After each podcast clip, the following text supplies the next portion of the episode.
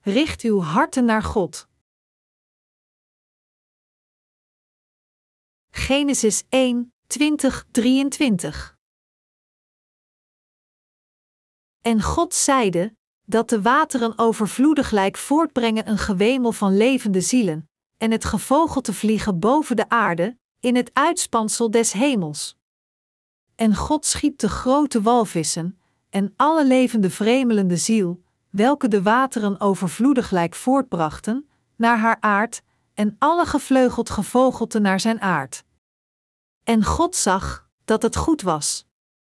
En God zegende ze, zeggende: Zijt vruchtbaar en vermenigvuldigd, en vervult de wateren in de zeeën, en het gevogelte vermenigvuldigen op de aarde. Toen was het avond geweest, en het was morgen geweest, de vijfde dag. God beval laat, er vogels vliegen door de lucht en vissen aanwezig zijn in het water, en laat de vogels en vissen vruchtbaar zijn en zich vermenigvuldigen. Dit geeft aan dat de rechtvaardige moet leven met geloof om een overvloed van geestelijke vruchten te dragen. Dient de gevolgen, moet de rechtvaardige geloven in God en zijn woord, in zijn kerk en in het feit dat God hen leidt door zijn kerk. Ze moeten geloof hebben in de belofte dat zij in lichaam en geest kunnen triomferen als zij beseffen en geloven dat het prediken van het evangelie van het water en de geest Gods wil is. Anders gezegd, de rechtvaardigen moeten hun harten naar God richten. We moeten ons verstand naar God richten om volgens Zijn wil in gehoorzaamheid te leven, en we moeten leven door ons geloof in God te plaatsen. God beval de vissen zich te vermenigvuldigen in het water. God vertelde ons om ons verstand te richten op het leven met geloof, en de reden waarom Hij dit zei is omdat dit in overeenstemming is met Gods wil hoe wij moeten leven. Onze harten moeten goedgekeurd worden door God. In het Oude Testament in het boek van Leviticus specificeert hoofdstuk 11 welke soorten van vogels en vissen eetbaar en niet eetbaar zijn. Hierin zien we dat kraanvogels omschreven worden als onreine vogels die niet eetbaar zijn. Kraanvogels staan vaak stil in ondiep water, wachtend dat een vis voorbij zwemt. Ze staan zo stil dat het lijkt alsof ze opgezet zijn. Maar als een vis voorbij zwemt, dan hebben ze deze meteen te pakken. De Bijbel zegt dat dergelijke vogels onreine vogels zijn. Geestelijk gesproken lijken deze vogels op de dienaren van Satan. Hoewel het woord van God vogels en vissen in twee groepen scheidt, eetbaar en niet eetbaar, mogen we dit niet letterlijk in vleeselijke termen interpreteren en het in onze vleeselijke levens toepassen. We weten heel goed dat het was om ons bepaalde geestelijke waarheden te leren dat God de vogels in reine en onreine vogels verdeelde. God scheidde ook de vissen in reine en onreine vissen, en van deze mogen we alleen die eten met schubben en vinnen. Diegenen zonder schubben en vinnen zijn verboden. Wat betreft onze levens van geloof, geeft dit aan dat we onze levens zonder geloof moeten afleggen en alleen op God moeten vertrouwen. We weten dat als we in het water zouden zoeken naar vissen zonder schubben, we vissen als modderkruipers en alen vinden. De vissen zonder schubben en vinnen verwijzen naar de christenen die hun levens zonder geloof leven. Tegenwoordig zijn de rivieren te verontreinigd om dit te doen, maar voorheen, toen de rivieren nog schoon waren, ging ik er vaak met de studenten van de missieschool picknicken. Als we in een nieuwe kerk in een kleine stad aan het prediken waren en er niet veel te eten was, dan gingen we naar een rivier met een net om vissen te vangen. We gingen in de rivier staan en haalden het net door het water om vissen te vangen. Meestal vingen we vissen zoals modderkruipers, zeewolf en alen. Zeewolf en alen voeden zich met kleine vissen, en dus vind je hen in gebieden waar zich veel kleine vissen bevinden. God vertelde ons vissen met schubben te eten en verbood ons vissen zonder schubben en vinnen te eten. Vissen zonder schubben leven niet waar een sterke stroming is. Integendeel, vissen met schubben en vinnen kunnen overal zwemmen, zelfs waar sterke stroming is. geschubte vis kan tegen de stroming inzwemmen. Zoals we weten, hebben zalmen een instinct om terug te keren naar hun geboortegrond. Ze zwemmen tegen de stroming in om terug te keren naar hun geboorteplaats om daar te paren, hun leven riskerend en met allerlei hindernissen en gevaren worstelend. Pas als zij terug zijn op de plaats van geboorte paren zij. Dat een vis schubben heeft betekent dat hij kan gaan en kan leven waar hij wil. Vissen zonder schubben kunnen niet tegen de stroming in zwemmen. Dergelijke vissen hebben een beperkt uitdagingvermogen om naar een betere plaats te gaan. Ze willen zelfs niet veel bewegen. Zij leven hun hele leven op de plaats van hun geboorte, parend en stervend op dezelfde plaats. Om een geestelijke overeenkomst te trekken, wij de rechtvaardigen zijn als de geschubte vissen. Echter, zodat wij voor de Heer kunnen leven, moeten we als eerste onze harten richten op God. Wij geloven dit, wij geloven dat het evangelie van het water en de geest de enige waarheid is. We zijn gered door te geloven in het evangelie van het water en de geest. Wij zijn met Gods mensen, wij moeten nu voor het evangelie leven, en daarom is Gods kerk van ons. Gods kerk is nu ons huis. Toen Jacob in slaap viel terwijl zijn hoofd op een steen rustte, zag hij de engelen van God omhoog en omlaag gaan via een trap, en hij beleidde: Dit is het huis van God. Net zo beleiden wij dat Gods kerk ons huis is. Gered van onze zonden, zijn wij in Gods kerk gekomen en leven er nu in. Echter, sommigen van ons hebben hun harten nog niet bevrijd, terwijl anderen dat wel hebben. Onder de wedergeboren christenen behoren diegenen die hun verstand op God hebben gericht nu toe aan God. Wij zijn de mensen die geloven dat wij nu toebehoren aan Jezus Christus en dit geloof vasthouden. Dergelijke mensen beleiden hun geloof door te zeggen: Wij zijn allemaal Gods mensen. Dit is mijn volk. Gods mensen in de kerk is mijn volk dat wij werken in Gods kerk is de Heer te dienen, zo moeten onze harten gericht worden. De rechtvaardige mag niet op en neer schommelen zoals de vleermuis uit de fabels van Aesopus, bewerend een muis te zijn tijdens de dag en een vogel tijdens de nacht. De vleermuis wordt nog door de vogels nog door de beesten verwelkomd. Dus leeft hij in een donkere grot. Terwijl de andere vogels in harmonie leven, leeft de vleesmuis geïsoleerd van de rest. Diegenen die niet hun harten op God richten, worden niet alleen door God verafschuwd, maar zij worden ook verafschuwd door de mensen van de wereld. Onze harten moeten zich onderwerpen en aan de wil van God gehoorzamen. Onze harten moeten het verlangen hebben voor de rechtvaardigheid van God te leven. We moeten onze harten richten, beslissend, als de dienaar van God, wil ik niet langer voor deze wereld leven, maar alleen voor de rechtvaardigheid van God. Met andere woorden, onze harten moeten als eerste verlangen te geloven in de rechtvaardigheid van God, het volgen en het gehoorzamen. De apostel Paulus bezat een dergelijk vastberaden hart. Dat is waarom hij verklaarde: Ik ben met Christus gekruist, en ik leef, doch niet meer ik, maar Christus leeft in mij, en hetgeen ik nu in het vlees leef, dat leef ik door het geloof des Zoons van God, die mij liefgehad heeft en zichzelf voor mij overgegeven heeft. Galaten 2 uur 20. Daarom moeten we Christus eervol dienen tijdens onze levens. We moeten onze harten op Hem richten om voor Hem te leven.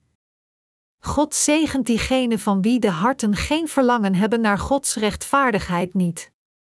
God werkt alleen in de harten die geloven in Zijn rechtvaardigheid en erop gericht zijn. God is met de mensen van geloof die in Zijn woord geloven. Hij is blij met diegenen die hun harten op God hebben gericht. En het zijn deze mensen die God helpt. God bemoedigt de harten van dergelijke mensen en opent hun geestelijke ogen, en door dit te doen maakt Hij het voor hen mogelijk in Zijn werk te delen. In tegenstelling, God zegent diegenen die hun harten niet gericht hebben niet. Mensen die hun verstand niet op God hebben gericht blijven zich afvragen of zij wel of niet moeten werken voor God. We kunnen alleen voor Gods rechtvaardigheid leven als we het geloof hebben dat het evangelie van het water en de geest dienen het juiste leven is dat de rechtvaardige moet leven. Zodat wij ons verstand op de verspreiding van het evangelie van het water en de geest kunnen richten, moeten onze harten vastberaden zijn alleen te leven voor de rechtvaardigheid van God. We moeten niet dubbelzinnig zijn, denkend: ik zal het evangelie van het water en de geest voorlopig aan de wereld prediken, maar als er iets verkeerd gaat, dan keer ik terug naar de wereld. Diegenen van wie de harten niet gericht zijn op God, moeten ook niet verwachten iets van Hem te ontvangen. De Bijbel zegt in Jacobus: maar dat hij ze begeren in geloof, niet twijfelende, want die twijfelt, is een baarder zee gelijk, die van den wind gedreven en op en nedergeworpen wordt. Want die mens menen niet dat hij iets ontvangen zal van den Heere. Een dubbelhartig man is ongestadig in al zijn wegen, Jacobus 1, 6, 8. We moeten onze harten richten om heel de tijd met de Heer te leven, vastberaden te leven met het evangelie van het water en de geest ongeacht wat. Het is als we onze harten richten om de wil van God te volgen, dat God in onze levens werkt. Als we onze harten niet richten op God, dan kunnen we de ene dag voor de wereld zijn en de volgende dag weer voor Gods kerk. Met andere woorden, als we ons verstand niet richten, dan schommelen we heen en weer, zwaaiend van de ene na de andere kant. Toen Duitsland verdeeld werd in Oost-Duitsland en West-Duitsland, werden over en weer spionnen gestuurd, en sommige van deze spionnen waren dubbelspionnen. Deze spionnen gaven de geheime documenten aan de ene en de andere informatie aan de andere. Zij deden het zeer goed, sinds zij twee keer betaald werden. Maar Duitsland werd uiteindelijk weer verenigd. De meest gehate mensen in Verenigd Duitsland waren deze dubbelagenten. Diegenen die hun eigen land hadden verraden voor hun eigen gewin werden opgespoord, voor het gerecht gebracht en veroordeeld. Maar de spionnen die alleen voor een kant hadden gewerkt, of het nu voor Oost-Duitsland of West-Duitsland was, werden alle van hun spionageactiviteiten vergeven. Zij ontvingen immuniteit omdat deze spionnen hadden gedaan wat onvermijdelijk was onder de gegeven omstandigheden in het gescheiden Duitsland, voor het welzijn van de overheid die zij dienden. Echter, dubbelspionnen moesten veroordeeld worden. Deze dubbelspionnen werden gehaat door de mensen van Oost- en West-Duitsland. Zelfs nu, na een decennium sinds de vereniging, worden dubbelspionnen nog steeds opgespoord en veroordeeld. Als dit zou gebeuren in de seculiere wereld, hoe belangrijk is het dan voor ons om onze harten te richten? Hoe kunnen u en ik, die werken voor het koninkrijk van God, op en neer gaan, een dag onze harten richtend op deze wereld en de volgende dag op het koninkrijk van God? Als we dit doen, dat zullen we zeker gehaat worden door beide kanten. In onze levens moeten we onze harten richten op het koninkrijk van God en zijn evangelie. Dat we onze harten op een rechte weg moeten richten, is iets dat ieder van ons moet doen. Dit is niet iets dat God moet doen. God dwingt ons niet iets tegen onze wil te doen. De rechtvaardige aanschouwt ook tegenspoed, maar sommige van hen lijden onnodig omdat zij falen Gods wil te volgen.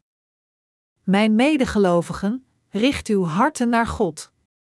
Uw verstand moet gericht zijn op God. Hoewel we ons nu in Gods kerk bevinden, diegenen van ons die nooit hun harten richten, kunnen niet correct voor God leven. Dergelijke mensen bezorgen God veel moeilijkheden. Als we met hen werken, dan wordt er nauwelijks enig geestelijk werk volbracht. Zij stappen aan de kant als het te moeilijk wordt om de Heer te volgen, en zij volgen God alleen als het werk goed gaat. Is zo een hart een rechtvaardig hart voor God? Als we ons verstand op God richten, dan moeten we met geloof vooruitploegen door alle hindernissen. Sinds we al Gods mensen en zijn leger voor zijn koninkrijk zijn, moeten we op God vertrouwen, de problemen van zijn kerk zien als onze problemen, God voor zijn hulp vragen en zijn werk met al onze kracht doen. Echter diegenen, die niet hun verstand hebben gericht, als zij in de problemen komen terwijl zij Gods werk doen, dan slaat hun hart over naar de kant van de mensen van de wereld. Als we verlangen te leven in Gods kerk als zijn geestelijke soldaten en naar de missieschool komen met dit doel, dan moeten we ons verstand op God richten. Als u al uw verstand van tevoren hebt gericht op God, dan is dat nog beter, echter, als u nog steeds niet uw verstand hebt gericht op God na uw komst hier, dan stel dit niet langer uit en richt uw harten zo snel mogelijk op God. God weet of wij onze harten op Hem hebben gericht, ja of nee. Diegenen die niet hun harten op God hebben gericht, weten zelfs niet als God hen helpt. Nog geloven zij in God. De geestelijke oorlog die wij voeren kan alleen gevochten worden als we ons duidelijk van de vijand onderscheiden. De vijand moet overwonnen worden en neergehaald worden met het zwaard. Als u verstand denkt dat we dan deze mensen en dan weer die mensen kunnen zijn, hoe kunnen we dan een geestelijke oorlog voeren? We moeten onze harten als volgt richten: Ik behoor tot Gods mensen, ik behoor aan Christus en ik ben zijn soldaat. Ik leef voor het koninkrijk van God en zijn mensen. Laat ons nu onze harten zo richten. Wij zijn het leger van de Heer door Hem geroepen. In Zuid-Korea is het leger samengesteld uit jonge mannen die hun dienstplicht moeten vervullen. God heeft ons net zo de dienstplicht gegeven als de geestelijke soldaten van zijn koninkrijk. Voor diegenen die als soldaten marcheren, is het correct degene te volgen die hen geroepen heeft, dat wil zeggen onze Heer, om trouw zijn koninkrijk te verdedigen en te vergroten. 2 Timotheus 2, 4. Er kan hier geen ruimte zijn voor onzekerheid, tenzij we hier absoluut zeker over zijn, zullen we de geestelijke dood aanschouwen. Als we ons in een geestelijk slagveld bevinden, hoe kunnen we dan overleven als onze soldaten wegrennen van het slagveld en zich verstoppen? Zal de vijand ons redden? Er is maar een keus: of we geven ons over aan de vijand, of we verslaan hem door geloof en triomferen om hem. Zodat wij ons niet overgeven aan de vijand, moeten we hem overwinnen. Door de geestelijke kracht van ons geloof moeten we onze geestelijke overwinning verzekeren. Om dit te doen, moeten onze harten duidelijk gericht zijn. Ik heb mijn hart onwrikbaar gericht op God. Ik heb mijn verstand lang geleden naar God gericht, zelfs voordat ik getraind werd zoals u. Toen ik de Heer ontmoette door het evangelie van het water en de geest, heb ik mijn hart naar God gericht en besloten de rest van mijn leven voor Zijn werk te leven. Diegenen die de vergeving van hun zonden hebben ontvangen door te geloven in het evangelie van het water en de geest zijn zeer kostbaar voor God, maar dit is niet hoe God diegenen ziet die niet zijn wedergeboren. Als de gelovigen in het evangelie van het water en de geest struikelen, zegt God: Het is niet zo erg. Alle mensen zijn zo, maar Hij heeft geen tolerantie voor diegenen die niet zijn mensen zijn. We moeten een duidelijke identiteit van geloof hebben. Het volk van Israël beschouwde iedereen die niet hun eigen volk was, als de niet-Joden, iets beter dan beesten. Weet u waarom dit zo is? Dat is omdat de Israëlieten denken dat zij Gods gekozen mensen zijn. Zelfs nu vechten zij tegen de Palestijns. Beiden zijn afstammelingen van dezelfde voorvader uit het vlees, Abraham. Abraham had als eerste Ismaël van Hagar, en later kreeg hij Isaac volgens de belofte van God. Een zoon was een kind geboren vanuit de belofte van het woord van God, en de ander was een kind geboren vanuit Abrahams relatie met een dienstmeid. Net zo heeft God duidelijk diegenen gescheiden die geestelijk zijn mensen zijn geworden van diegenen die dat niet zijn. God heeft diegenen die geloven in het evangelie van het water en de geest als zijn geestelijke mensen ingesteld. En hij heeft diegenen die niet geloven in dit evangelie opzij gezet als niet zijn mensen. Als we nog steeds niet het volk van God kunnen onderscheiden van diegenen die dat niet zijn, en als we nog steeds niet ons verstand gericht hebben op het koninkrijk van God, hoe kunnen dergelijke mensen dan ooit een geestelijke oorlog voeren? Hoe wilt u het ambt van de verspreiding van het evangelie van het water en de geest vervullen? We kunnen anderen alleen van hun zonde bevrijden als we zeker weten bij wie we horen. Hoe zouden we dit anders ooit kunnen bereiken? Mijn medegelovigen, als u uw harten nog steeds niet gericht hebt, dan moedig ik u aan uw harten nu op God te richten. Richt uw harten op de juiste weg, beslissend uw leven voor het de opbouw van het koninkrijk van God te leven. God zal u dan zegenen en blij zijn met u te werken. Het is als u beslist te leven voor de Heer dat God blij is en u zegent. God werkt niet voor diegenen die nog steeds niet hun verstand hebben gericht. Zouden we in staat zijn Gods werk te doen, tenzij God met ons werkt? Nee, natuurlijk niet. We moeten een besluit nemen. We moeten leven voor het koninkrijk van God, dat uiteindelijk ons eigen koninkrijk is. In plaats van alleen aan onszelf te denken, moeten we leven voor dit koninkrijk en voor de mensen waar wij nu bij horen. Mijn medegelovigen, hebt u uw verstand gericht? Zo ja, dan bent u halverwege uw training. Het enige wat u nog moet doen voor de rest van uw training is te volgen en te leren met geloof en zich met de kerk te verenigen.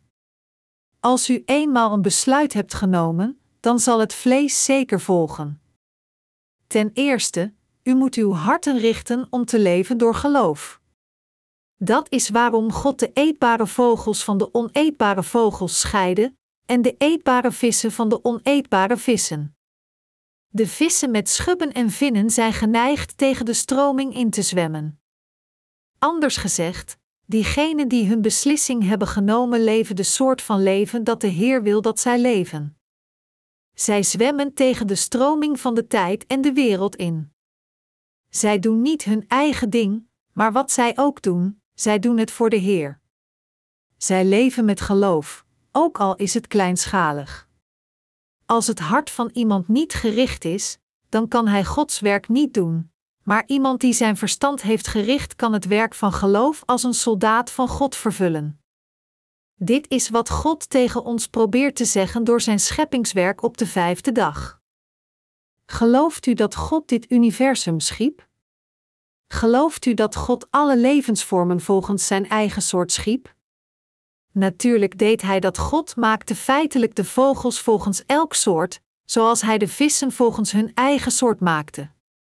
De evolutietheorie heeft de ogen van de mensen verblind, en dient te gevolgen, beseffen velen niet wat God heeft volbracht volgens de waarheid, echter, diegenen van wie de ogen open zijn kunnen duidelijk beseffen dat God dit universum en alle dingen erin schiep. Hij maakte elk van hen volgens zijn eigen soort.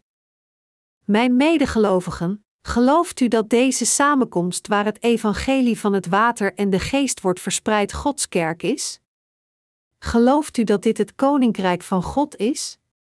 Niemand anders dan u zijn de werkers van God, en het is u die dienst doet in zijn leger. Ieder van ons moet zijn hart individueel richten. Hoe onze levens veranderen hangt af van hoe we onze harten op God hebben gericht. Wat we doen kan van buiten hetzelfde lijken, maar het werk dat gedaan wordt door diegenen die hun harten gericht hebben om de Heer te dienen is anders. Diegenen die hun beslissing hebben genomen werken voor God. Maar diegenen die niet hun beslissing hebben genomen leven voor zichzelf. Als we Gods werk doen, dan komen we vaak mensen tegen die van de buitenkant Gods werk doen, maar feitelijk werken ze voor zichzelf. De Heer spreekt in de Bijbel over het evangelie van het water en de geest, en hij verlangt ernaar dat dit evangelie wordt verspreid. Echter, we zien dat sommige mensen niet echt geïnteresseerd zijn in Gods evangelie, maar hun harten gericht hebben om hun eigen heerlijkheid te zoeken.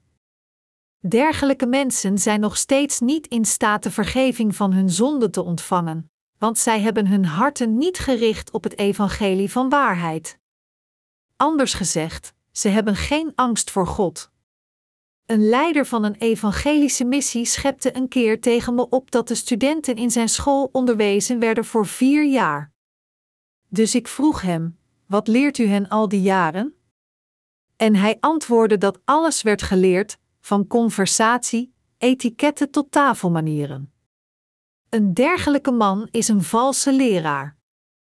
Pastoors moeten prediken volgens de wil van God. Veel mensen weten bijna niets, nog geen vers van het woord van God, zelfs als zij afstuderen van een theologieschool. Wat leren zij dan daar op school? Zij leren een vak genaamd theologie, zij leren over de ideeën van verschillende theologen. Vergeleken met dergelijke lessen, leren onze studenten aan de missieschool ieder vers over de waarheid van het woord. Iedereen studeert theologie voor zichzelf, plant een kerk voor zichzelf, accepteert giften voor zichzelf en voert zijn ambt uit voor zichzelf. En dit alles omdat dergelijke mensen hun harten niet echt op God hebben gericht. Als zodanig, tenzij u uw harten richt op God, kunt u het niet vermijden zoals deze valse profeten te worden, alleen levend voor uzelf. Ik verblijf en woon hier in Gods kerk.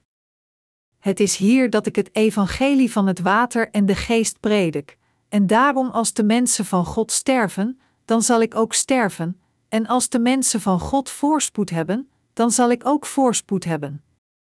Heel mijn kracht van geloof verzamelend, zal ik het evangelie van het water en de geest tijdens mijn hele leven blijven prediken, tot de dag dat de Heer terugkeert.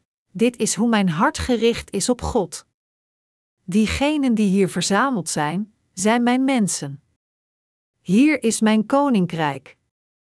Het koninkrijk van de Heer is mijn koninkrijk. Om het koninkrijk van de Heer te vergroten is als mijn eigen koninkrijk te vergroten. Mijn plaats en plicht zijn duidelijk bepaald. Mozes werkte al de dienaar van het koninkrijk van God, maar Jezus Christus kwam naar deze aarde en werkte als de meester. De Heer kwam als de meester om zijn mensen te redden. Hoewel Mozes de wil van God predikte, toen Jezus Christus naar deze aarde kwam, werd hij gedoopt door Johannes de Doper voor ieder van ons en nam al de zonden van zijn mensen over, stierf voor hen en verrees weer van de dood, en hij heeft hen daarmee gered. We moeten leven in het koninkrijk van God met het duidelijk besef dat wij de eigenaars zijn. Dit is een leven te leven dat zich onderscheidt van de levens van diegenen die niet hun harten op God hebben gericht. Als mijn predikanten mij toevertrouwen hoe zij worstelen, dan vraag ik hen: ja, wij worstelen allemaal. Maar wat kunnen we doen als onze moeilijkheden voor de Heer zijn? Sinds we niet worstelen voor onszelf, maar voor het koninkrijk van de Heer, is dit dan niet de moeite waard? Ondanks dat u nu een moeilijke tijd hebt, moet u toegewijd blijven voor Gods werk. Het enige dat telt is het werk van God. Wat kunnen we anders verwachten? U zegt dat u te ontoereikend bent en dat het te moeilijk is om de Heer te volgen. Maar als we dergelijke goede mensen waren die goedgekeurd werden door de wereld, zou Jezus Christus ons dan als zijn werktuigen kunnen gebruiken? Mijn medegelovigen, zou Jezus Christus liever Confucius of Socrates gebruiken, of zou hij liever mij gebruiken? Denk hier eerlijk over na, hoe uw harten geloven. Als u Jezus Christus was, wie zou u gebruiken, Confucius of mij? U zou iemand gebruiken die gelooft en zijn hart richt op hoe u hem instructies geeft. U zou liever iemand gebruiken die alleen uw wil gehoorzaamt als zijn meester, ongeacht hoe zijn ego wordt gekwetst.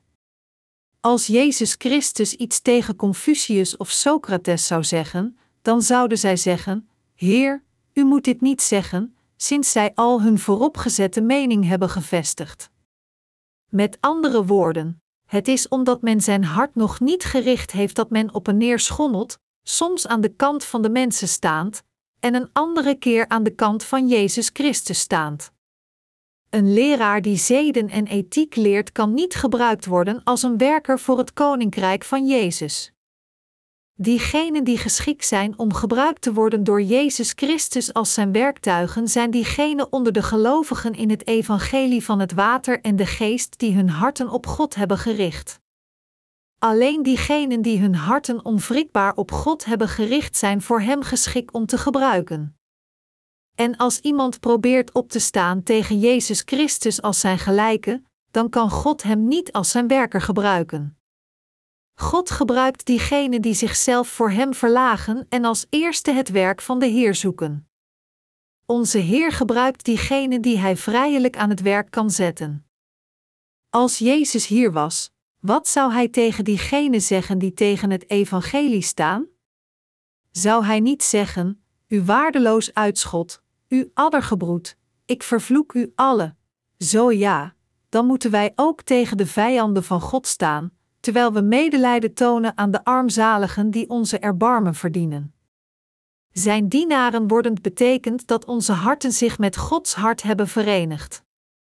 Onze harten moeten gericht zijn. Verwijzend naar David, zei God: Hij is een man naar mijn hart. David wiste het Filistijnse leger uit zoals bevolen door de Heer. Maar Saul luisterde niet naar het bevel van God toen hij sommige Filistijnen spaarde, en hij spaarde van de buit iets van de kudde om hen aan God als een brandoffer te offeren, dit alles gebaseerd op zijn eigen gedachten. Maar David gehoorzaamde aan het woord van God. Toen God hem vertelde alle vijanden op het slagveld te doden, doodde David hen allemaal. Hij roeide hen uit. Wat David verteld werd om te doden, hij doodde hen allemaal, zelfs dieren. David volgde Saul op en werd de koning van Israël. Maar deze twee mannen waren geestelijk verschillend. Saul had een indrukwekkende verschijning, vereerd door het volk van Israël voor zijn lichamelijke verschijning, maar anders dan David, was zijn hart niet gericht op de eer van God en op de geestelijke zorg van de mensen in zijn koninkrijk.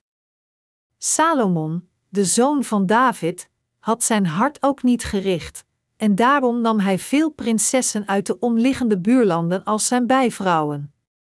Als de koningen uit de niet-Joodse buurlanden hun dochters aan Salomon presenteerden, zeggend: Majesteit, dit is mijn dochter, dan zei koning Salomon: Uw dochter is zeer mooi, en nam haar als zijn bijvrouw. Hij deed dit omdat zijn hart niet gericht was op God. De vrouwen van deze wereld, dat wil zeggen vrouwen die niet zijn wedergeboren, zijn als slangen. Zij ruïneren de rechtvaardigen. U hebt waarschijnlijk in rechters gelezen over Simson die neergehaald werd door Delila. Dat is waarom de Bijbel dergelijke vrouwen hoeren noemt. Dus toen Salomon deze niet-Joodse prinsessen gepresenteerd kreeg, had hij moeten zeggen: Waarom hebt u deze vrouwen hier naartoe gebracht? Ze zijn lelijk. Zij lijken op smerige hoeren, ik word er misselijk van. Breng ze weg, als hij dit gezegd had, dan hadden de andere koningen rondom hem hun dochters niet naar hem toegebracht. God had Salomon verboden met niet-Joodse vrouwen te trouwen, maar ondanks dit, omdat het hart van Salomon niet gericht was op God, trouwde hij met wie hij wilde trouwen volgens de lusten van zijn vlees, en dient te gevolgen, is hij uiteindelijk geestelijk vernietigd geworden. De Bijbel zegt: En hij had 700 vrouwen, vorstinnen, en 300 bijwijven, en zijn vrouwen neigden zijn hart. 1 Koningen 11, 3. Hierdoor beleidt Salomon later ijdelheid der ijdelheden. Het is al ijdelheid, Prediker 1, 2. Hij stierf na een leven van spijt, onder de heerschappij van zijn zoon, Gods koninkrijk werd in tweeën gescheiden en begon in verval te raken. Wat we ook doen, we moeten onze harten richten op God. Begrijpt u deze noodzaak? Onze harten moeten toebehoren aan God. Onze harten moeten geloven dat God onze God is, Zijn kerk onze kerk, Zijn mensen zijn onze mensen. Ik moedig u alle aan uw harten zo te richten. Al onze waarden en maatstaffen van oordeel die we tot nu toe hebben gehad, moeten veranderd worden. We moeten, en aangedaan hebt den nieuwe mens, die vernieuwd wordt tot kennis, naar het evenbeeld degene die hem geschapen heeft. Colossensen 3 uur 10. Zelfs thuis zeg ik tegen mijn eigen zoon: hoewel je mijn zoon in het vlees bent, in de kerk, ben je hetzelfde als al de andere mensen van God. Het enige verschil is dat jij mijn zoon in het vlees bent, maar anders dan dat, wat is er geestelijk verschillend? Er is niets anders. laten we hier duidelijk in zijn, en ik behandel hem op dezelfde manier als de andere heiligen, geestelijk gesproken. In het begin liep het niet zo gesmeerd voor mijn zoon, maar uiteindelijk stemde hij toe, sinds hij ook de Heilige Geest in zijn hart heeft. Ik heb een bepaalde missieorganisatie gezien die geleid werd als een familiebedrijf, waarin de familieleden de leiding hadden en hun verwanten de sleutelposities ontvingen.